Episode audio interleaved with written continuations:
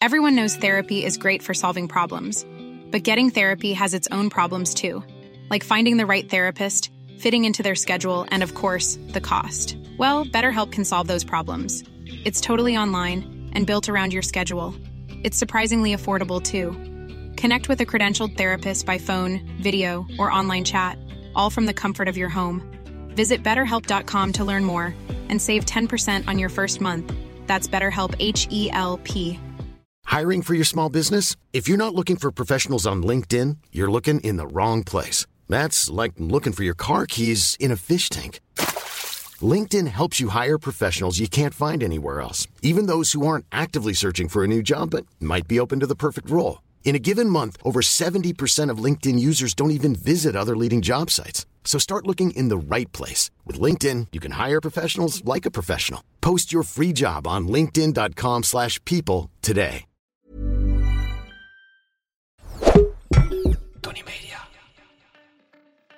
Vandaag in Schotschrift... Je kunt mij kennen van mijn podcast Dit komt nooit meer goed en Tussen 30 en doodgaan en mijn boek Zacht op lachen. Malou Holshuizen.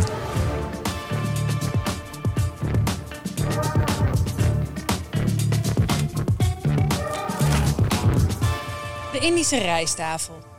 Bij de marine de blauwe hap genoemd, is een verzameling gerechten afkomstig uit Indonesië die je eet in combinatie met witte rijst.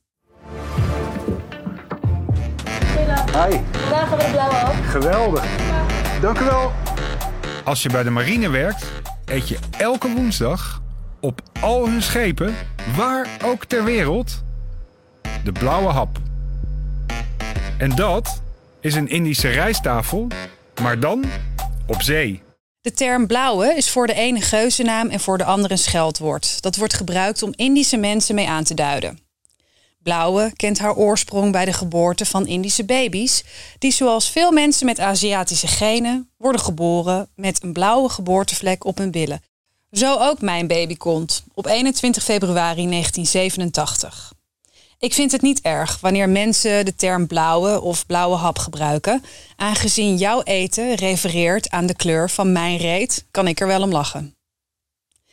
Die Indische rijsttafel, het in mijn geval stukje opvoeding, werd een poosje geleden uitgeroepen tot immaterieel erfgoed van Nederland. Leuk, dacht ik, denkend aan mijn oma. Een Indische vrouw, geboren in Surabaya op Java. Tempo Dulu met heimwee naar de oude tijd en een land dat niet meer bestaat. Een oma met een kampverleden en zinnen als adoe, beeldig, een chebok naast de wc en de geur van trassie in iedere vezel van haar huis. Ja, Kassian, jammer, voor de buren ja, niet voor mij. Sayur lodeh, rendang, sambal goreng, satay ayam, bessinjek, babi ketchup. Ik kan deze column vullen met gerechten uit mijn jeugd. Maar misschien is de herinnering die eraan kleeft leuker. Want met welke lekkernijen mijn oma haar rijsttafel ook vulde, na ieder etentje was ze woest op de mensen die het hadden opgegeten. Niet omdat ze het niet lekker vonden, nee, integendeel zelfs. Ze vonden het heerlijk. Maar, en dit zijn haar woorden, die Hollanders vreten snel ja. Mijn oma stond drie dagen in de keuken om te zien hoe een groep boeren hun bord volgooide, het naar binnen metselde en na 15 minuten voldaan op de bank onderuit zakte. En zo was het niet bedoeld. Haar rijsttafel at je rustig, gezellig samen en daar deed je de hele avond over. Uit wraak maakte ze bij de volgende komst van haar Nederlandse vrienden haar gerechten extra pittig, zodat snel dooreten onmogelijk werd. We kunnen hier heus wel Indisch eten thuis klaarmaken. Sambal goreng telur, sayur lodeh, tahu petis. Alleen de buren hebben het niet zo graag. Het toevoegen van de rijsttafel als immaterieel Nederlands erfgoed is bedoeld als erkenning van de eetcultuur van de 2 miljoen Indische mensen in Nederland die toen de eerste generatie na de Tweede Wereldoorlog of de aansluitende onafhankelijkheidsoorlog naar Nederland kwamen en niet hartelijk werden ontvangen. Dat is zacht uitgedrukt. Vele Indische mensen zien het toetreden van de Indische rijsttafel dan ook als iets goeds. Een bevestiging van het bestaansrecht van de Indo in Nederland. Maar er zijn ook Indonesische Nederlanders die zich hier minder fijn bij voelen. Indische mensen en Indonesische mensen hebben een verschillende afkomst, terwijl ze soms dezelfde geboortegrond delen. Indonesische mensen zijn de oorspronkelijke en hedendaagse bewoners van Indonesië, zoals Javanen, Soedanezen en Balinezen. Indische mensen zijn Nederlanders die afkomstig zijn uit het voormalig Nederlands-Indië.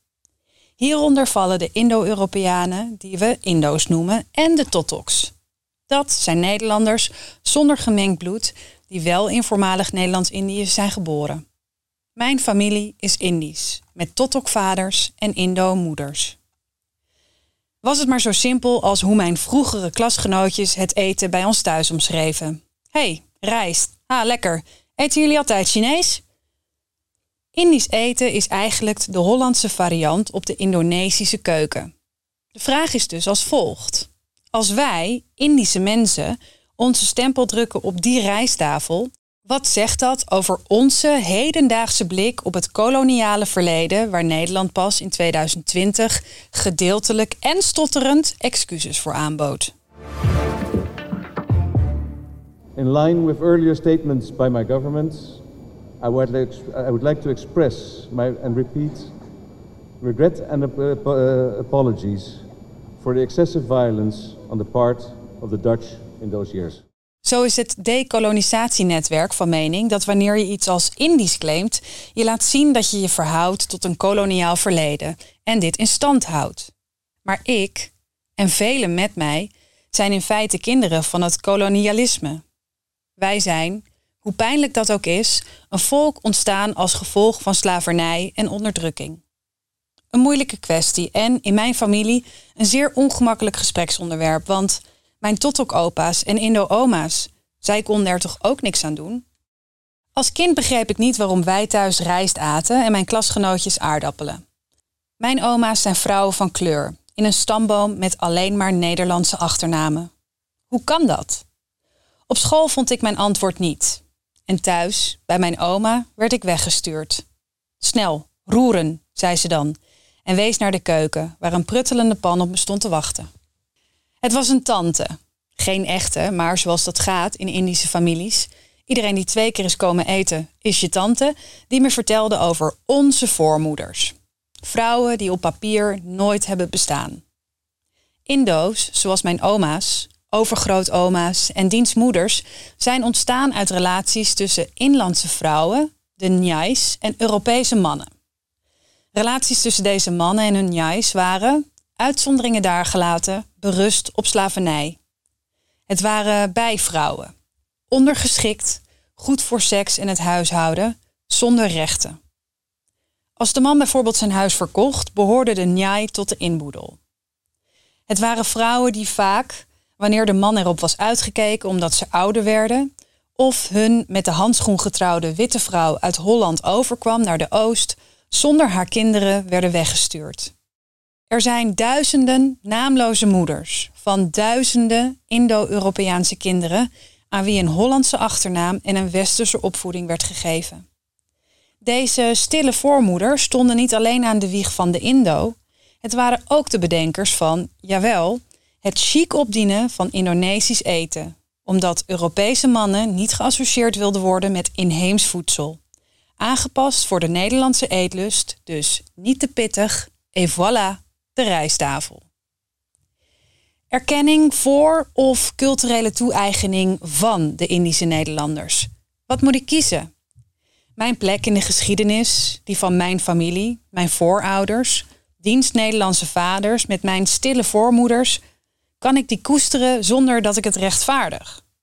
Kan ik van een cultuur houden die geboren is uit ongelijkheid? Uitzonderingen daar gelaten. Kan cultureel erfgoed en koloniaal erfgoed naast elkaar bestaan? Hand in hand, al kleeft er bloed aan de vingers. Kan ik trots zijn op mijn afkomst, het eten dat ik heb geleerd te koken, de woorden die ik heb geleerd te spreken en het bijgeloof waarmee ik ben opgevoed? Ik ben een scheiterd en durf het antwoord niet te geven. Bang dat ik mijn Indische familie kwets en met vrees dat ik mijn Indonesische vrienden verdriet doe. Wat ik wel weet is dat, als we hem eten, we er de tijd voor moeten nemen. Eet rustig en zorg dat straks de vierde, vijfde en zesde generaties weten waarom we dit gerecht koesteren. Omdat er 2 miljoen mensen zijn met een geschiedenis waar nog steeds onvoldoende in onderwezen wordt.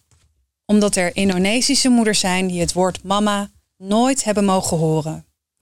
Er is een verleden, er is eten, er zijn stille voormoeders, er zijn blauwe billen, er zijn lessen.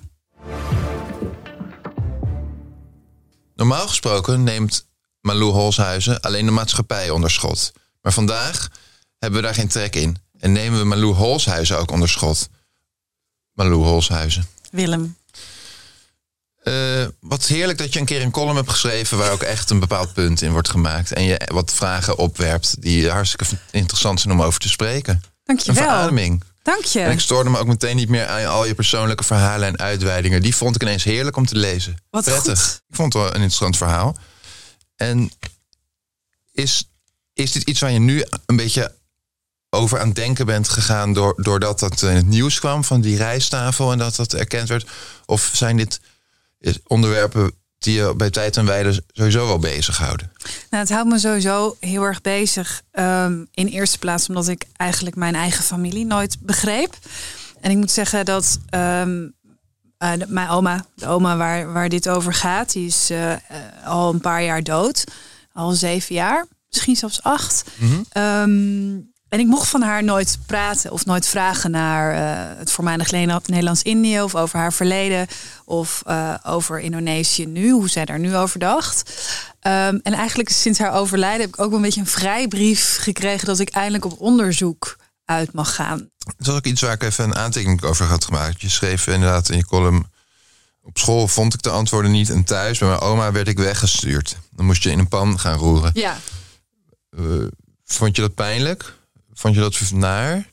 Nou, er zijn heel veel dingen die ik uh, niet mocht weten. Uh, bijvoorbeeld ook over haar kampverleden, over haar interneringstijd in uh, Bandung heeft zij gezeten. Daar ben ik afgelopen september naartoe geweest. Mhm. Dat heb ik gezien. Um, dus ja, mijn oma was een hele brutale vrouw. Die had echt een ontzettend grote bek en die had overal een antwoord op. maar hier vaak niet. Dus dit was de enige keer dat we werden weggestuurd. Ik vond dat wel.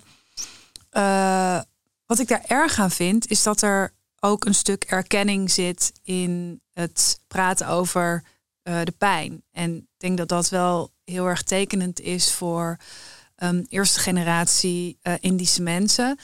die, zijn met heel, ja, die, die hebben heel veel meegemaakt. Er zijn heel veel getraumatiseerde zielen. En ik had heel graag van haar willen horen hoe het voor haar was. En ik had graag tegen haar willen zeggen dat die pijn die ze heeft gevoeld en de angst die ze heeft gevoeld en het trauma dat ze heeft, dat het er mag zijn. Maar wat ik ook moest denken, uh, trek het misschien heel breed, maar het is ook in los van uh, bijvoorbeeld een traumatisch verleden met oorlog of ko kolonialisme, ook wel een iets meer van de moderne tijd, dat, dat het een gemeengoed is dat praten over trauma, Mhm. mm -hmm. dat is gezond. Ja. Ik heb, ik, volgens mij was dat vroeger helemaal niet zo'n algemene aanvaarde gedachte. Ja, nou, ik denk dat het ook heel erg gaat over het bestaansrecht. Hè? Dus uh, het gaat over afkomst. Dus uh, kijk, ik heb nooit helemaal geweten waar mijn familie nou vandaan komt en hoe die, hoe zo'n familieband. Het is heel raar om te zien dat je halve familie van kleur is. Terwijl dat in een stad. Ik heb het nooit begrepen. Dat mijn familie heette zelfs de keizer. Mm -hmm. uh, uh, of Engel of uh, Zeilenmaker. Het zijn allemaal Nederlandse. Ja, allemaal Nederlandse namen. En dat, ik heb dat altijd heel raar gevonden. En toch, als kind, helemaal als kind, heb je ook al heel snel zoiets van. Oh ja, nou ja, dat zal dan wel. en ik je hebt natuurlijk ook zelf Indisch bloed. Ja. Z zag je dat dan in jezelf zo weinig terug dat je jezelf dan als uh, wit zag en dacht van mijn familieleden zijn uh, bruin? Ja, ik heb eigenlijk uh, zie ik mezelf als een, een witte, witte cisvrouw met ongeveer alle vinkjes die je maar kan, kan krijgen. Ik heb me eigenlijk altijd ge, gezien en gevoeld als Nederlander. En eigenlijk zijn toen ik dingen ging leren over uh, de cultuur waar ik vandaan kom, uh, het verleden van mijn oma. Toen gingen pas eh, dingen eigenlijk heel erg op zijn plek vallen. Dus ehm, eh, als het gaat over intergenerationeel trauma, hè, dat, dat, zo heet dat dan. Dus een trauma dat door, eh, doorgaat van generatie op generatie. Eh, ehm, heb ik wel gemerkt dat ik nooit heb geleerd hoe je bijvoorbeeld verdrietig moet zijn. Of hoe je nou, praat over dingen. Dus Mhm. toen, toen er met mij eh, op mijn veertiende iets heel ergs gebeurde, ehm, dacht ik dat de manier van daarmee omgaan was om mijn mond te houden in plaats van thuis te komen en je laten troosten door je ouders. Eh, want ik heb dat nooit geleerd, eh, omdat mijn moeder dat nooit heeft geleerd, omdat zij dat nooit heeft geleerd van haar moeder. Dus in die zin, het is niet zo dat ik heel erg voel wat zij heeft gevoeld, bijvoorbeeld toen ze geïnterneerd zat in het kamp. Maar het is wel dat de manier hoe je omgaat met eh, die pijn, hele heftige dingen, echt dingen waar je, eh, nou, die je volgens mij niet moet wegstoppen, ook niet in die tijd, maar nu ook niet. Helemaal als je kind bent, daar moet je gewoon voor getroost worden. Dat je dan, dat je er dan voor kiest om, om, om dat niet te doen. Dat dat zo in je zit. Zouden we nog naar wat andere dingen van jou Ja. mogen kijken die eh, ik wel interessant vond? Je schrijft op een gegeven moment. Zo is het decolonisatienetwerk van mening dat wanneer je iets als Indisch claimt, je laat zien dat je je verhoudt tot een koloniaal verleden, et cetera. Ehm, wat is dat eigenlijk, het decolonisatienetwerk? Ja, ehm, dat is een netwerk wat zich inzet om eh, het kolonialistische eh idee en de gewoontes die daaraan vastzitten, om die dus af te breken. Eh, want je schreef bijvoorbeeld op een gegeven moment... kan ik trots zijn op mijn afkomst? En toen kreeg ik wel een soort sarcastische gedachtes van... eh, ik ben christelijk opgevoed, weet je wel. Mhm. Ma- Mag ik daar met al die kruistochten nog eh, trots op zijn? Ik ben ook Haags. Maar daar hebben de lokale bewoners in 1672... eh, Johan de Wit levend opgegeten. Dat is toch ook niet zo'n hele fijne associatie? Nee. Vind je dat ik daar dan nog wel trots op kan zijn? Nou, ik denk dat dit heel erg gaat over eh, het, het woord Indisch. Dus het woord Indisch eh, gebruiken. Eh, dat gebruik ik omdat ik, omdat ik daar trots op ben. Dus, dus omdat ik trots ben op waar ik vandaan kom, op waar mijn opa en oma vandaan komen, op hoe ze me hebben opgevoed Mhm. en uh, mooie dingen. Eh, ehm, en het gaat heel erg over als je dat woord niet meer mag gebruiken, wat, wat blijft er dan over? Dus, maar ja, dus dat maar. En op jouw vraag mag jij trots zijn op jouw natuurlijk- Het is stad. natuurlijk plagerig. Maar Ja, ik denk het wel. Ja, want ik denk dat, ik bedoel, ieder. We leven nu ook in 2022, dus we kunnen er ook van uitgaan dat er in de jaren ook wel een flink portie gezond verstand overheen is gegaan. En dat ik vind wel dat je dat goed moet meenemen in als het gaat over. Weet je, je kan wel honderd disclaimers. En als je dan een overduidelijke ongelijkwaardige situatie had van eh, onderdrukking en slavernij. En daar Mhm. komt een Indische cultuur uit voort. Ja, Is het niet gewoon mogelijk, hoe, hoe wrang het leven ook kan zijn, dat uit een verschrikkelijke situatie iets ongelooflijk moois voortkomt? Dat dat gewoon zo is. ik hoop altijd dat dat gewoon een beetje. Dat dat, Dat dat het gewoon niet, is, toch? Dat dat het gewoon niet wegneemt. Dus dat je daar ook niks mee wil relativeren of Mhm. weg wil wuiven. Of er mag Ja. bij mij nog eh, oneindig lang eh, veel over gepraat worden.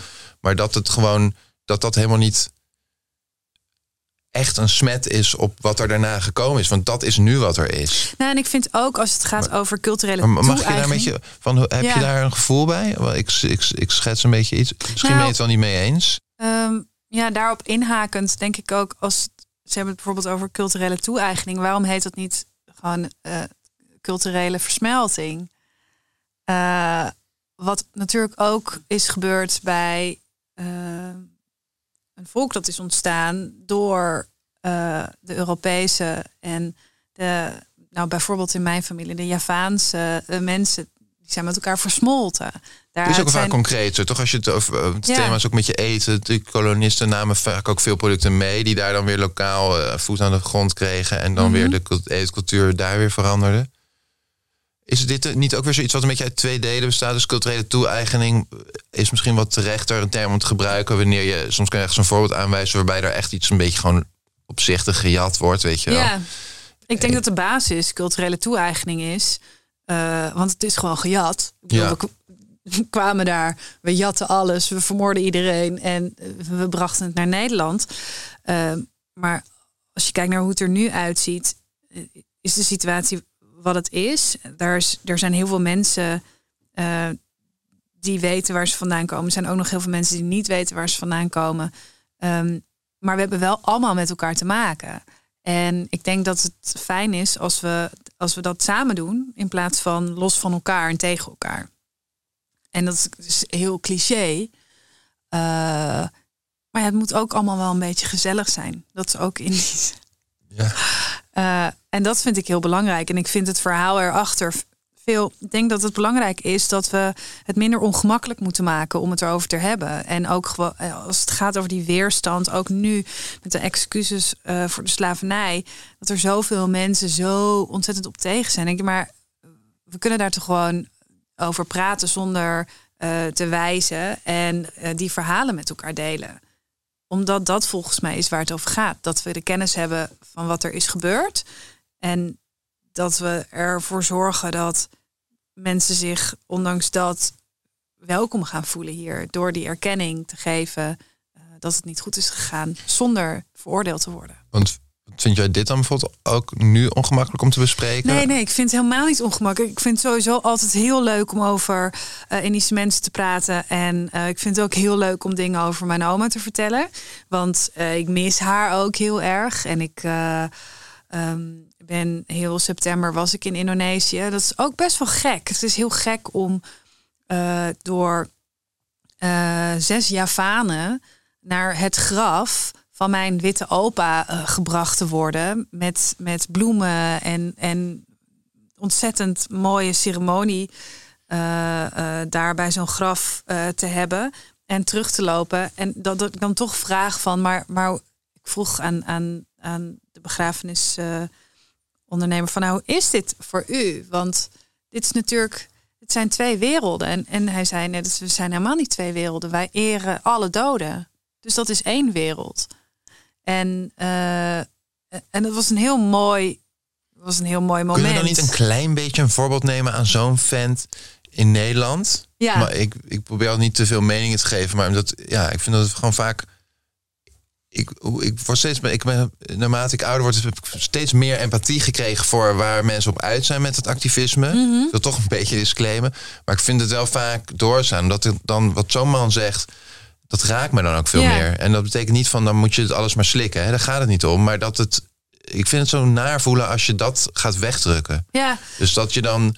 Hè, dan wordt iedereen meegenomen door één mal. Ja, een witte man, dat moet een afgrijzelijk persoon zijn geweest. Want hij maakt er onderdeel uit, dat is dan mhm. verder ook zo, van een hele nare cultuur. Ja. Maar je gaat zo voorbij aan persoonlijke verhalen en de oneindige complexiteit van menselijke interacties en hoe, hoe, hoe dat uh, ja, niet mhm. zwart-wit is. Nou, ik heb nog een voorbeeld. Ik stapte in een, uh, in een taxi in Yogyakarta. Daar is mijn uh, oma, mijn andere oma, geboren. En um, uh, wat heel leuk is, dat mensen richten zich heel erg op mij. Omdat ze toch ergens of iets zien of iets horen of ik spreek.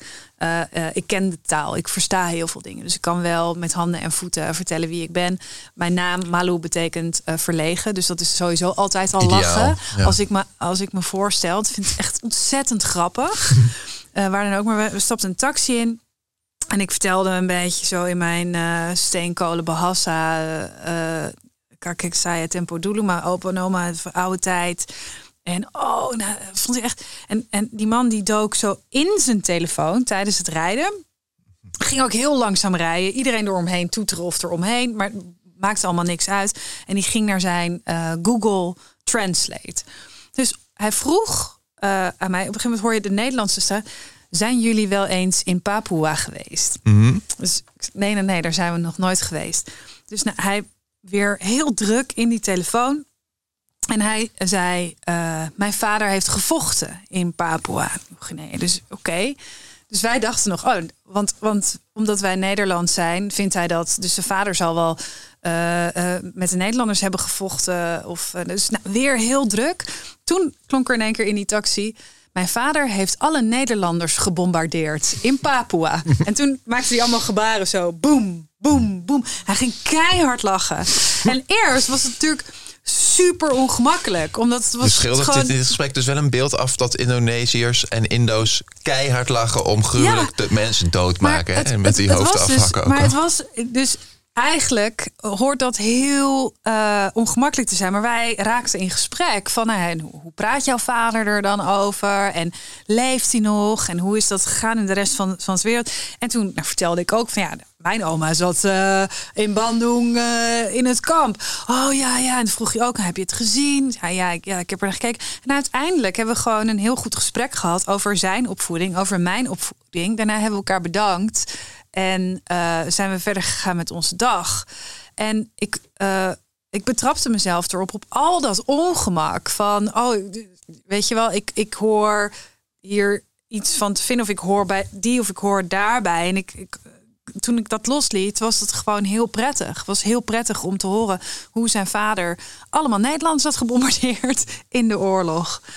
En ik denk Lijkt dat dat prettig. voorbeeld, ja, ik denk dat dat voorbeeld ook van, van zo'n zo'n team van 19 mensen die al eh, meer dan 20 jaar eh, op de erebegraafplaats eh, in Semarang werken. Een man die, die zijn leven invult met het onderhouden van de kruisen, het mooi schilderen, de namen dat, die, die ze laatst een nieuwe kwast hebben gegeven voor zijn verjaardag, maar die weigert die kwast te gebruiken, want hij wil liever de kwast die hij al twintig jaar gebruikt gebruiken en vertelt over, over waarom hij dit doet, dit werk, omdat ze de doden eren. Dat, dat, dat vind ik veel belangrijker dan eh, een standpunt innemen in, in is die cultuur van jou of van mij. Weet je, het is van ons samen.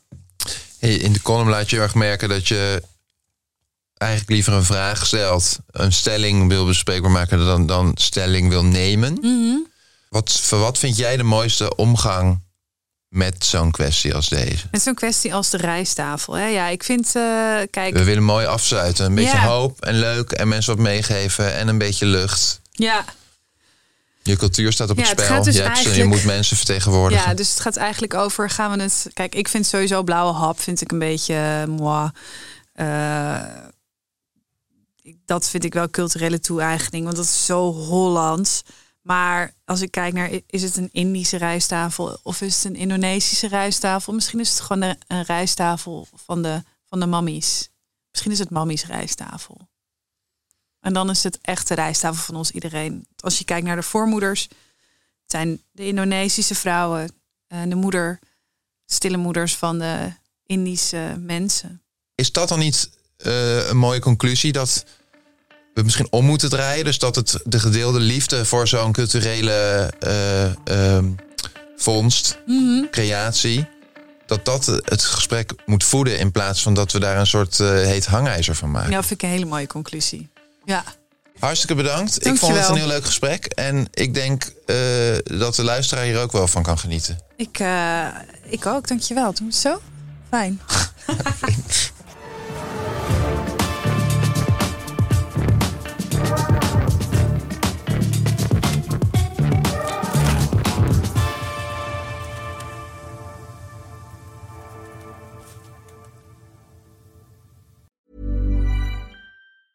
Even when we're on a budget, we still deserve nice things. Quince is a place to scoop up stunning high-end goods for 50 to 80% less than similar brands. They have buttery soft cashmere sweaters starting at $50, luxurious Italian leather bags, and so much more. Plus, Quince only works with factories that use safe, ethical, and responsible manufacturing. Get the high-end goods you'll love without the high price tag with Quince. Go to quince.com slash style for free shipping and 365-day returns. Even when we're on a budget, we still deserve nice things. Quince is a place to scoop up stunning high-end goods for 50 to 80% less than similar brands. They have buttery soft cashmere sweaters starting at $50, luxurious Italian leather bags, and so much more. Plus, Quince only works with factories that use safe, ethical, and responsible manufacturing. Get the high-end goods you'll love without the high price tag with Quince. Go to quince.com slash style for free shipping and 365-day returns.